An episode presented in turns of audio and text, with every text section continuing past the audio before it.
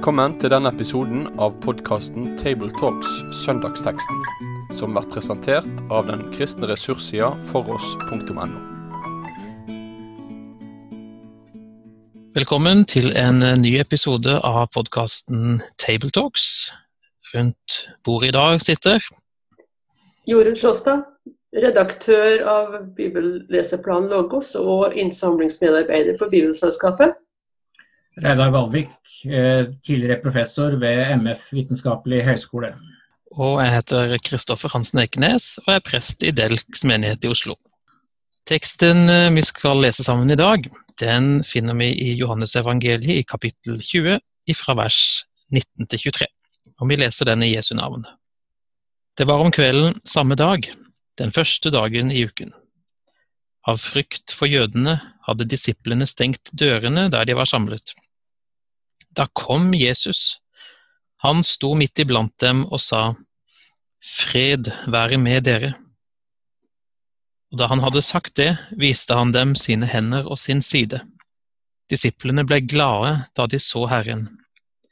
Igjen sa Jesus til dem, Fred være med dere. Som Far har sendt meg, sender jeg dere. Så åndet han på dem og sa, Ta imot Den hellige ånd. Dersom dere tilgir noen syndene deres, da er de tilgitt. Dersom dere fastholder syndene for noen, er de fastholdt. Det er teksten som akkurat i år er prekentekst på første pinsedag. Og Det første jeg har hengt meg opp i når jeg har sett på den teksten, det er hvilken sammenheng den står i. Og Det fikk vi et hint om allerede i det første verset. Det var om kvelden samme dag, og så spør vi hvilken dag var det? Jo, hvis vi hadde lest like før, så ville vi finne ut at det var påskedagen. Den dagen hvor Maria Magdalena har møtt den levende Jesus utenfor graven og fortalt videre til disiplene hva som har skjedd. Og så har de altså stengt seg inne, og der kommer Jesus. Og så har vi plutselig flytta oss fra det vi normalt tenker at er et pinseanliggende. Det har gått 50 dager i løpet av 50 sekunder. Hva har skjedd her? Dette er en liten nøtt. Og la oss nå se litt på det før vi går videre inn i selve teksten. Ja, Det er jo en ganske stor utfordring som man har vært oppmerksom på i kirken helt fra tidlige århundrer. Fordi man diskuterte akkurat hva betyr det Jesus der sier i forhold til det som skjer på, på pinsedag. Og jeg tror at for å kunne rydde opp i det, så må vi huske at Johannesevangeliet og, og, og apostlenes gjerninger er to helt forskjellige bøker. Altså Vi leser dem etter hverandre i sammenheng og tenker at de følger på hverandre. Men hvis vi skal være pinlig nøyaktige, så må vi jo si at dette er to forskjellige bøker skrevet av ulike forfattere som tilfeldigvis finnes i samme bibliotek, og det biblioteket heter Bibelen. Nettopp. Det betyr altså at man kunne jo tenke seg at man finner to bøker i biblioteket om samme tema, jeg sier første verdenskrig eller noe sånt, og så leser man den ene, så forutsetter man at fremstillingen der kan tas opp direkte i neste bok man finner om det temaet. Poenget er altså å si at kan hende vi må lese hver av disse fremstillingene hver for seg. Fordi vi har i den kirkelige tradisjonen blitt helt bundet av apostlenes gjerningers kronologi, og tenker altså at himmelfarten fant sted eh, 40 dager etter påske, og så kommer pinsedag ti dager deretter. Det er, liksom den, det er den kirkelige kalender som vi er, vi er vant med. Men strengt tatt så er jo ikke den selvsagt ikke engang for, for um, Lukas. For Hvis man leser slutten av Lukasevangeliet, så står det jo der at samme dag som Jesus sto opp fra de døde, så ble han tatt opp til himmelen mens disiplene så på. Altså i Lukas 24. Så det betyr at der er faktisk er det ingen avstand mellom påske og himmelfart. Um, selv om da pinsen ikke er inne. Og så kan man spørre, kanskje det er noe av det samme som skjer i Johannes.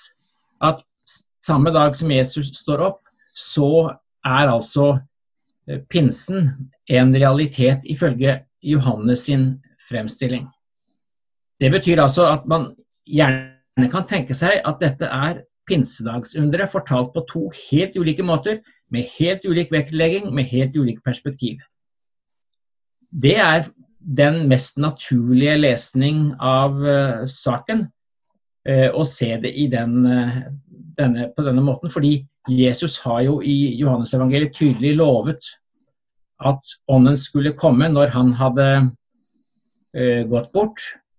Og her får vi på sett og vis da oppfyllelsen i rammen av Johannesevangeliet. Så hvis vi leser det som Johannesevangeliets uh, i, i helhet, så blir kanskje ikke dette så underlig. Og det er interessant å se at hvordan Jesus i sin avskjedstale snakker om at uh, han skal gå bort, uh, men jeg skal se dere igjen, og hjertet deres skal glede seg, sier han i Johannes 16, 22. Og så kommer denne teksten hvor Jesus da kommer igjen, og det står at disiplene ble glade. Og eh, han kommer med ikke bare et løfte om Den hellige ånd, men sier at de nå skal motta Den hellige ånd.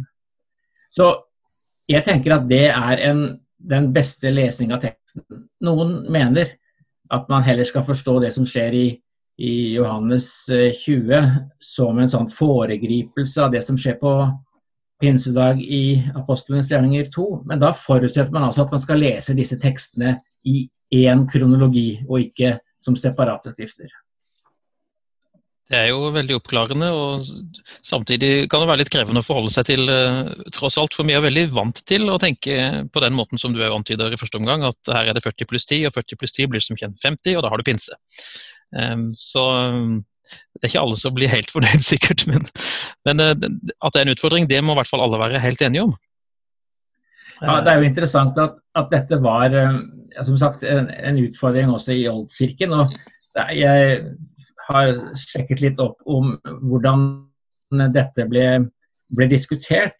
Og ved kirkemøtet i Konstantinopel i 553 så var det faktisk slik at Eh, en lære ble eh, fordømt som sa at Jesus eh, ikke ga disiplene Den hellige ånd på denne dagen, som Johannes sier. For i tilfelle når Jesus da sier ta imot Den hellige ånd, hvis de da ikke gjorde det, at det bare var en slags sånn eh, profeti om det som skulle skje, så ville jo Jesus lyve, sier man på dette kirkemøtet, og det gjorde selvsagt Jesus ikke. De må ha tatt imot Den hellige ånd, for det sa Jesus. Og det var ikke noe futurum. Det er presens her, så det må ha skjedd noe. Nettopp. Da har vi fått en, et riss av denne problemstillinga og sier oss foreløpig ganske fornøyd med det, men det er jo fint å være oppmerksom på i alle fall. Um, det, altså, dette med pinse um, og, og, påske har vi altså da sett at det egentlig det kan man tenke at henger litt sammen. og på en måte så kan man jo kanskje si at åndens komme er den, den egentlige oppfyllelsen og liksom konkretiseringa av oppstandelsen i en viss forstand. Eh, ved at eh, Når han sier da 'ta imot Den hellige ånd', så handler jo det for så vidt om at Jesus som den oppstandende, eh, Gud sjøl, eh, tar bolig hos og blir hos eh, sine disipler til alle tider. Sånn at oppstandelsen ikke bare blir et sånn historisk da, men et nå for den som tror. Og Det blir jo på en måte nesten litt tydeligere hvis vi leser på den måten som du antyder, eh, Redar, og som også Johannes egentlig ber oss om å gjøre. da, At dette er to ting som skjer så å si samtidig. Eller så Ånden Jeg har tenkt litt på det. En har jo ofte litt, eller Mange opplevere har en sånn underforstått tanke om at ånden det er noe som hører til i Det nye testamentet. Eh, og at det kanskje til og med hører litt mer til i pinsebevegelsen og andre steder enn hvor som helst ellers. Og når det er pinsedag, så er det jo eh, en grunn til å, eller en anledning til å gå litt inn i en sånn måte å tenke på. Jeg vet ikke om alle har tenkt på det, men eh, det, dere har sikkert vært klar over det lenge, men ånden er jo et av de aller første en av de aller første personene i guddommen som nevnes i, i Bibelen. Allerede ved skapelsen. Jorden var øde tom, Guds ånd svevde over vannene. Så her er det ikke noe nytt i den forstand at det er noe uventa som skjer. Og til og med så leser vi jo i Første Mosebok to at Gud eh, puster livspust inn i menneskets nese, så han blir en levende skapning. Så her er det lange og solide tråder i bibelmaterialet og i, i, Guds handling med verden. Eh, så eh, Den som vil tenke at, ånd, at, pinse og ånd er veldig sånn, det er noe helt veldig nytt, eh, har for så vidt delvis rett i det, men en må heller ikke glemme at her er det rike forbilder i Det gamle testamentet. Ja, Det er jo interessant å merke seg at det uttrykket Jesus, når det står at Jesus åndet på dem. Eh, det er jo det samme uttrykket som brukes i Første Mosebok kapittel 2 vers 9, om Gud som blåser liv i det han har skapt av eh, jorden. Og vi finner et tilsvarende uttrykk også i eh, profeten Esekiel 37, der Esekiel har denne visjonen av disse døde benene som det da blåses liv i. Så uttrykket som brukes i teksten vår, gir altså veldig klare assosiasjoner til uh, dette med ånden og en nyskapelse. Uh, og Det må vel da kanskje henge sammen med at uh, her er det Man sier jo gjerne at, at pinsen er, er, kirkens fødselsdag. Og på sett og vis kan man jo si at ja, det er det som skjer i Johannes 20 her. At disiplene får ånden, og det gir det er starten på, på, denne nyskapelsen som eh, Kirken på sett og vis da er. Kan jeg da ta og lage en liten parentes, kanskje, eller et lite innspill? Det er et ord som kommer igjen to ganger tidligere, før Jesus sier ja, ta imot Den hellige ånd. Når Jesus kommer inn til dem gjennom stengte dør, så seint. 'fred være med dere'. Uh, og det gjentar han igjen etter, i setningen, etter setningen om at disiplene ble glad da de så Herren. Hvilken sammenheng er det her mellom den freden som han gir dem, og Den hellige ånd? Forutsetter den ene den andre? Det er et veldig godt spørsmål. Jeg har ikke tenkt på det på akkurat den måten, men jeg tenkte på dette med hva slags fred er det det er snakk om. Eh, Jesus snakker jo eh, et par andre steder ikke den fred som verden gir, eh, men min fred. Det er vel også Johannes evangeliet, så vidt jeg husker. Eh, og da har jeg tenkt at det er ikke tilfeldig at dette henger sammen med påske, for den freden som Jesus gir, er jo nettopp knytta til eh, fred med Gud. Eh, sånn som det er blitt mulig gjennom at Jesus er død og oppstått og har tatt på seg hele verdens synder. Eh, dine og mine, eh, og på den måten har eh, brakt til veie fred. En veldig potent og veldig dyp form for fred mellom Gud og mennesker. Det har i hvert fall vært den tanken jeg har hatt knytta til disse fredsutsagnene. Men om det skal bety noe spesielt at det er nevnt to ganger, det, det har jeg ikke tenkt noe over. Det, det, er ikke nødvendigvis noe, av noe stor betydning, men jeg tenker at det er noe som man sier i hvert fall til dem to ganger. Jeg tenker da som så at første gangen og andre gangen òg sikkert, så er det ikke først og fremst den der følelsen av fred som de skal, skal ha og få, selv om de sikkert òg trengte det i og med at de var engstelige. Eh, det var et faktum, den freden som en nå kom og, og snakka om. Eh, det var en fred som de kunne stole på og regne med. Fordi at det er pinsedag, og de får Den hellige ånd, og de skal ut i en ny hverdag etter pinsedag. Og da er noe til det oppdraget som Jesus gir dem, formulert kanskje med litt andre ord hos Paulus, nemlig at de skal formidle fred, rettferdighet, fred og glede i Den hellige ånd.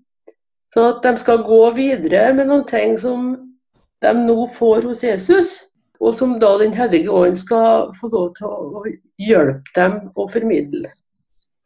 Ja, altså Når Jesus uh, i, tidligere i Johannes snakker om uh, dette som det ble nevnt her, den, jeg vil gi dere min fred, ikke den fred som verden gir, så er det jo helt tydelig at den freden vi snakker om her, det er jo ikke bare sånn, sånn helt alminnelig uh, hilsen. fordi det er jo på sett og vis denne, Disse ordene brukes jo i, i Midtøsten som freds, eller som, som sånn vanlig hilsen.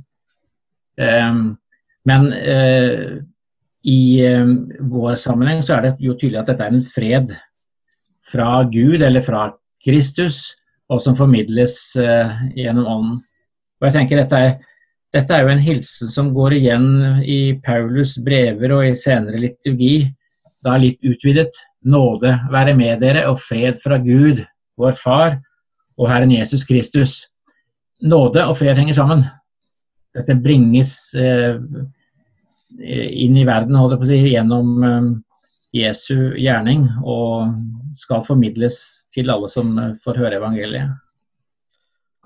Da er vi jo inne i et eh, motiv eh, som er ganske tydelig i denne teksten og, og andre steder òg.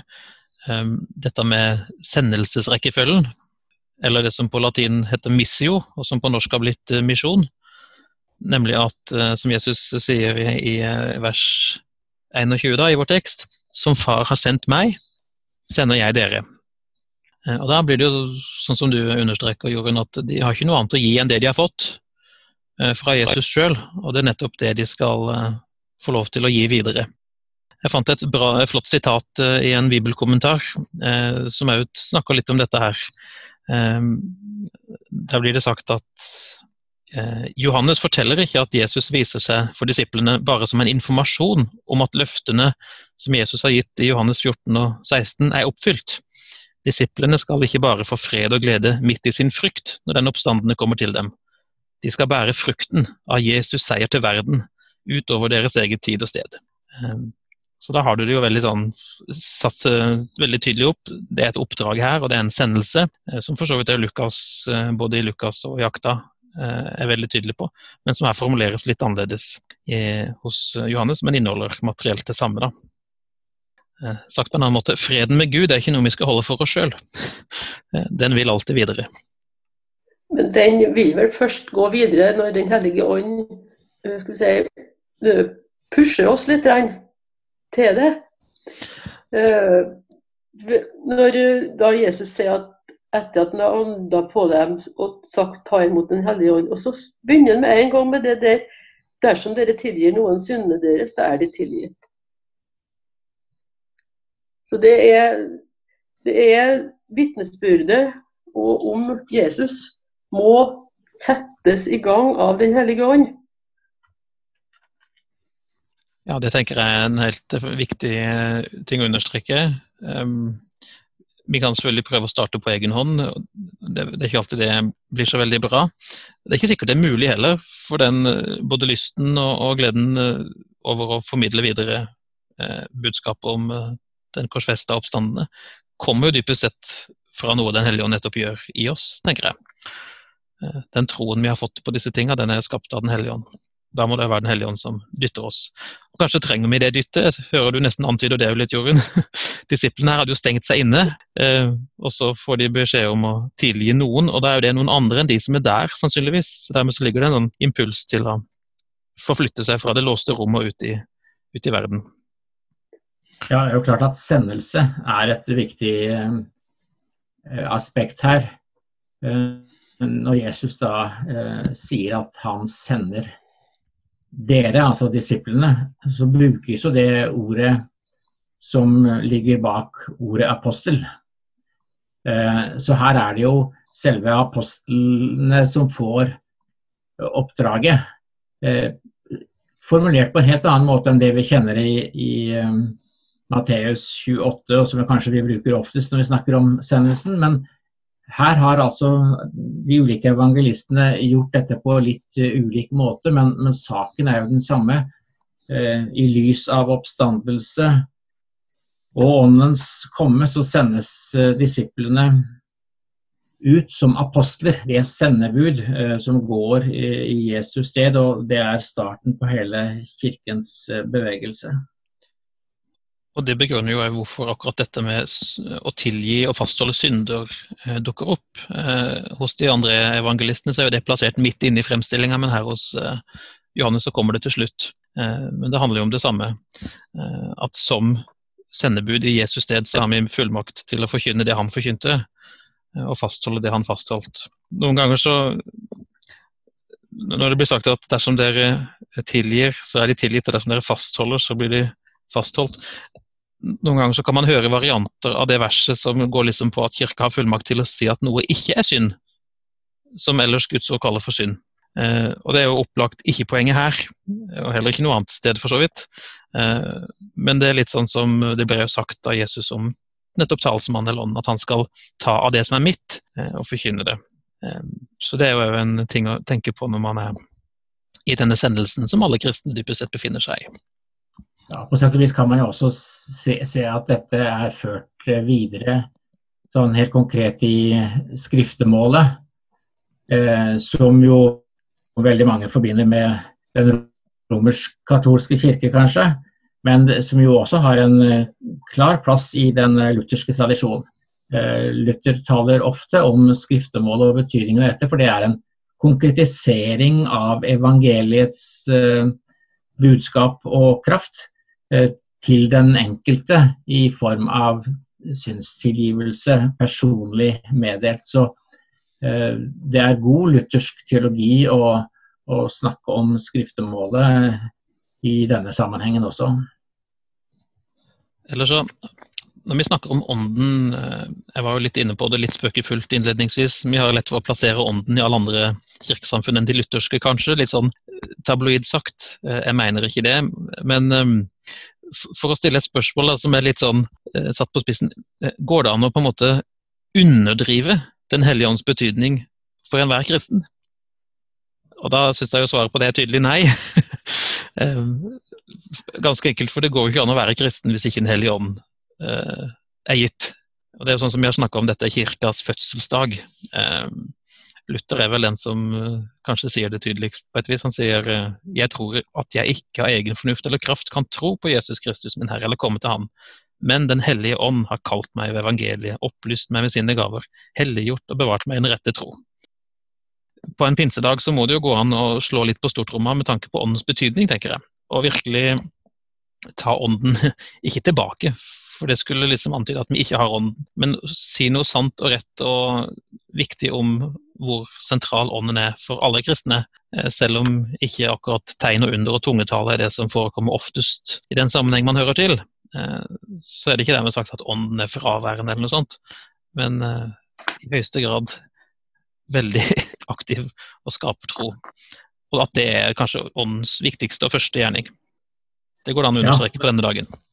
Ja, det er all grunn til å understreke det. fordi det du nevner med under og tegn og sånn, ok, det er noen konkrete manifiseringer. Men, men øh, ånden er jo helt grunnleggende. Altså, dersom man ikke har fått øh, Guds ånd, så hører man ikke Gud til, kan Paulus øh, uttrykke det.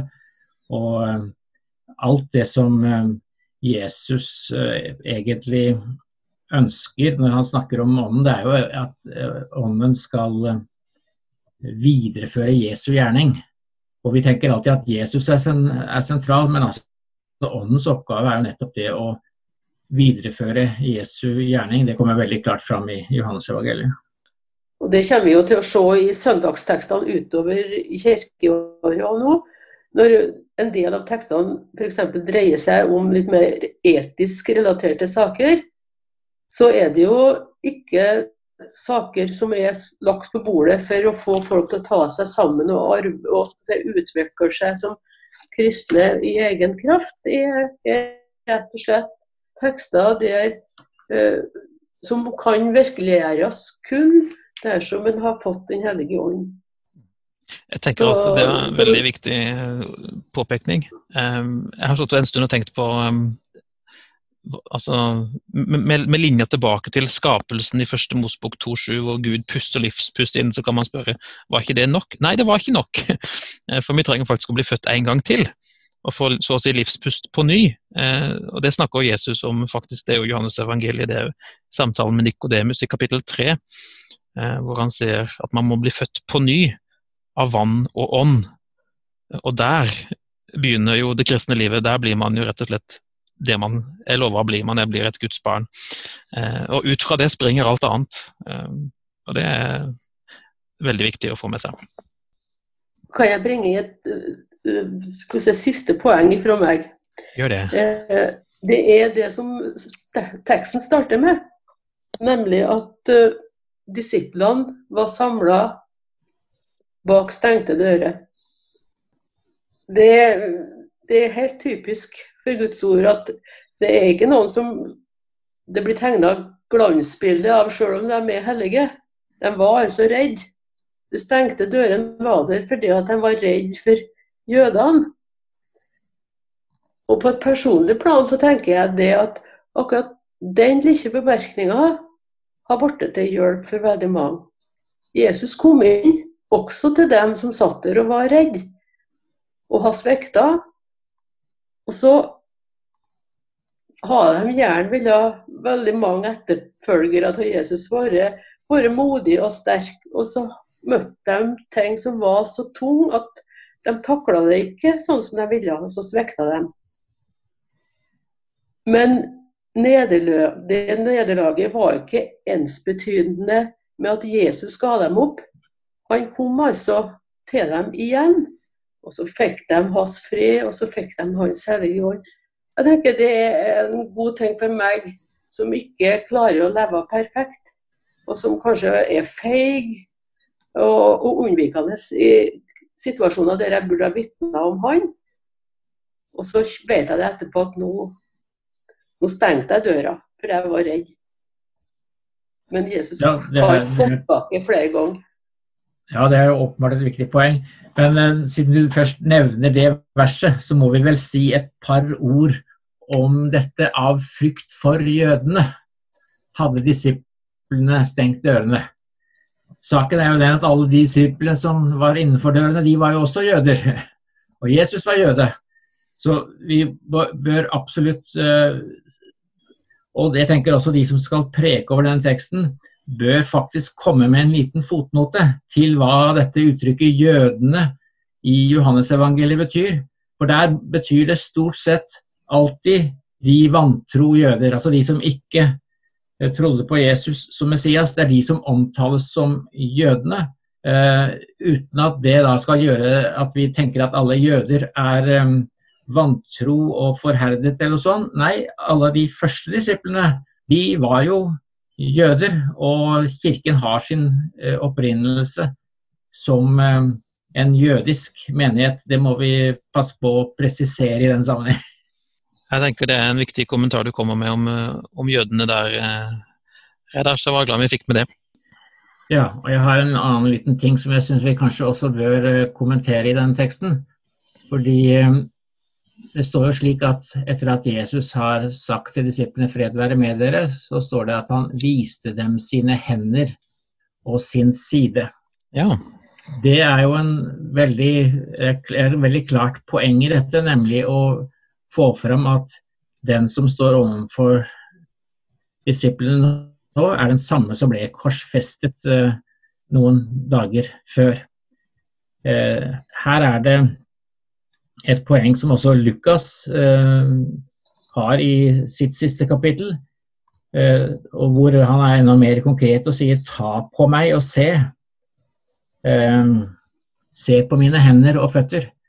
Det, det er jo for å vise at det er en det er ikke en ånd, det er ikke et spøkelse de står overfor, men det er den korsfestede og oppstandende Kristus. Han som ble menneske, og som eh, i dag sitter ved Faderens høyre hånd med sårmerkene i sine hender og føtter og i sin side. Så eh, vi må se på denne kontinuiteten mellom han som ble født inn i denne verden, han som ble korsfestet, og han som sto opp igjen.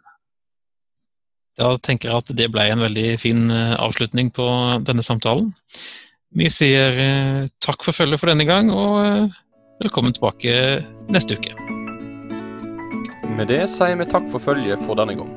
Finn flere ressurser, og vær gjerne med å støtte oss på foross.no.